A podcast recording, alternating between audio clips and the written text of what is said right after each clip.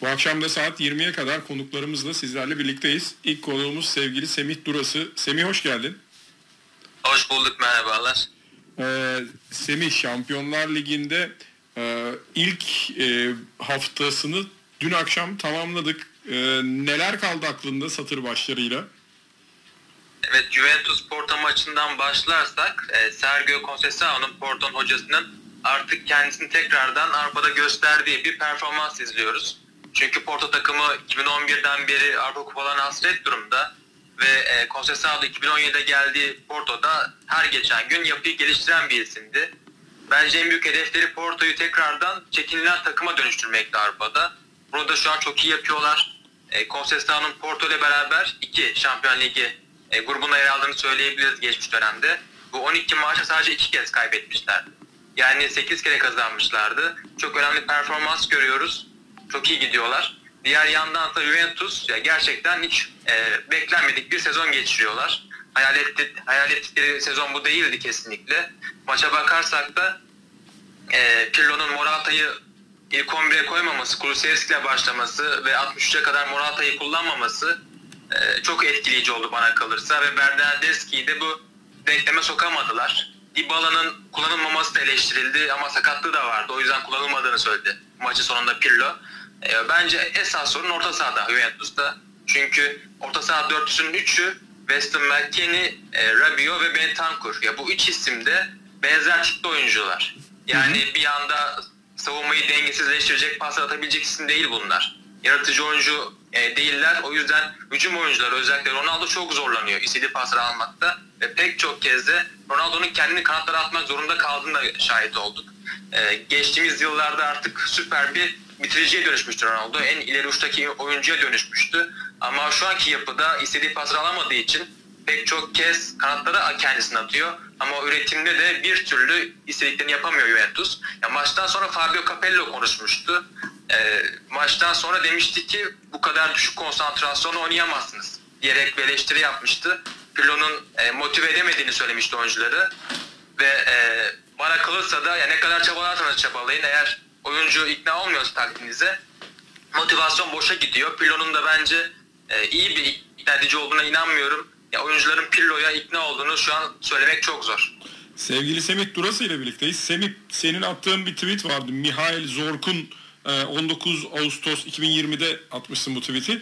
E, eğer bu bir mücadele bir Formula 1 olsaydı onlar Ferrari bizde Ford Mustang kullanıyor olurduk diyor ve onlar dediği de Real Madrid, Barcelona, United, Paris Saint Germain, City, Tottenham, Chelsea, Juventus bunlar 500 milyon eurodan fazla geri olan kulüpler.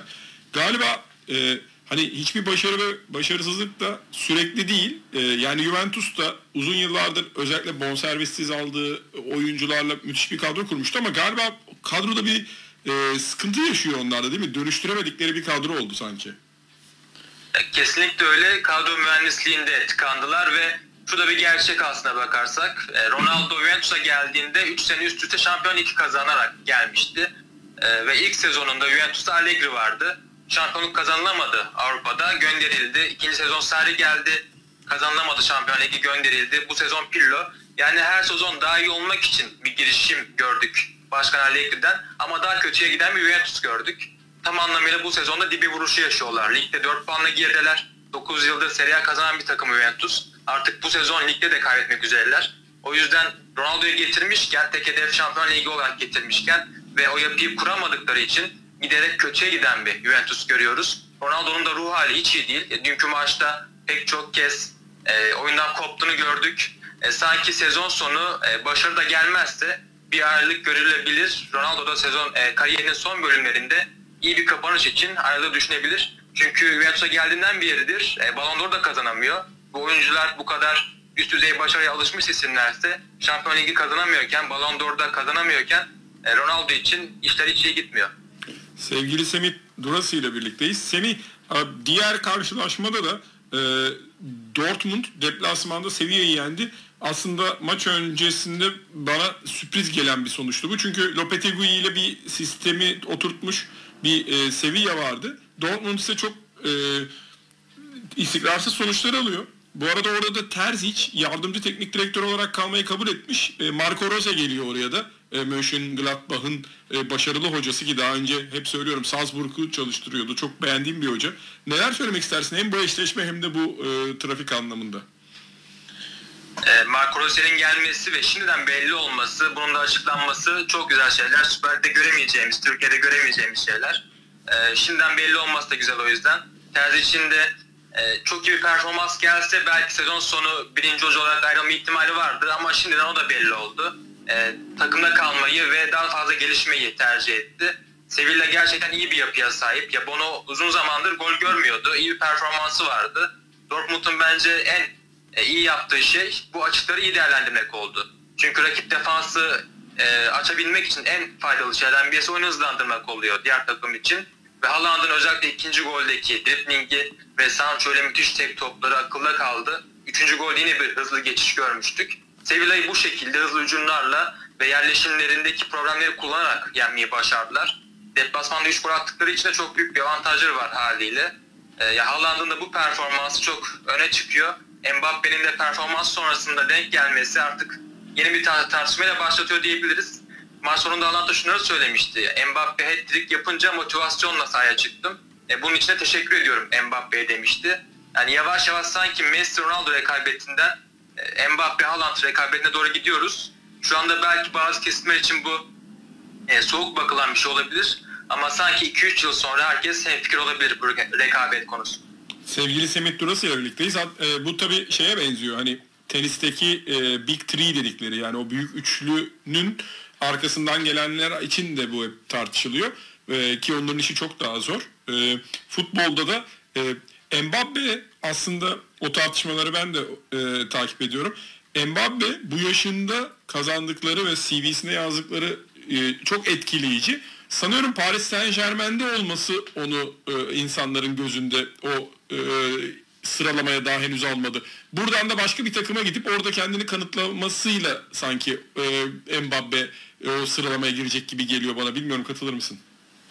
Sırada bu gibi gözüküyor. Çünkü Mbappe'nin ya dünya şampiyonu olan birisinden bahsediyoruz henüz bu yaşında. O yüzden e, hak ettiği değeri de az görüyor Mbappe diyebiliriz. E, çevresindeki isimler çok iyi olması, Paris'te oynuyor olması e, bu yüzden biraz küçümsenmesine sebep de oluyor. Müthiş bir başarı gerçekten sergiliyor.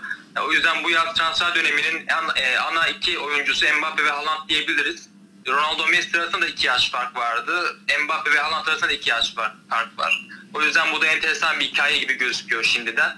Bu sezon müthiş gidiyorlar. Mbappe 29 maçta 30 gol katkısı verdi. Haaland 24 maçta 31 gol katkısı verdi. Ki Haaland da 13 e, maçta 18 gole ulaştı. Bu yüzden e, en iyi ve en erken ulaşan isim bu gol sayılarına. E, sanki gelecek dönemde bu iki ismin performansı çok ön, ön plana çıkacak gibi gözüküyor.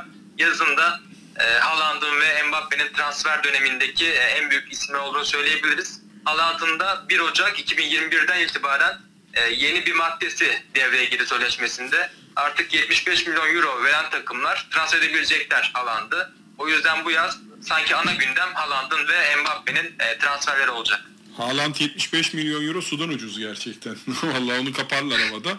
Özellikle United falan tarzı takımlar için. Ki United'da da sol ayarı olunca tamam ben o işi bağladım. Şimdiden olur o iş. Diye, Hemen e, bir e, kısa bilgi vereyim isterseniz. E, çok büyük bir iş çünkü e, babası Haaland e, hakkında şunları demişti. E, biz Salzburg'a transfer olduk. Bunu tercih ettik. O zamanlar bizi Manchester United istiyordu. Juventus da istiyordu ama biz bir planlama yaptık ve e, şu an doğru zaman değil. Salzburg'a gitmeliyiz. Salzburg, Salzburg'da gelişip transferleri yapmalıyız demişti. Dortmund'a transfer olma şartı da bu bonservis miktarını koymasıymış. E, bu serbest kalma bedelini koymasıymış. O yüzden tamamıyla planlanmış bir kariyer diyebiliriz. Sevgili Semih Durası ile birlikteyiz. Dün tabii e, Şampiyonlar Ligi maçları kadar önemli bir maç vardı bence. City Everton'ı deplasmanda 3-1 ile geçti ve puan farkını ona çıkartıp artık şampi diyebiliriz City'ye Premier Lig'de ve bu onları Şampiyonlar Ligi'ne de e, yeniden e, daha rahat bir şekilde gitmelerini de sağlayacak diye düşünüyorum.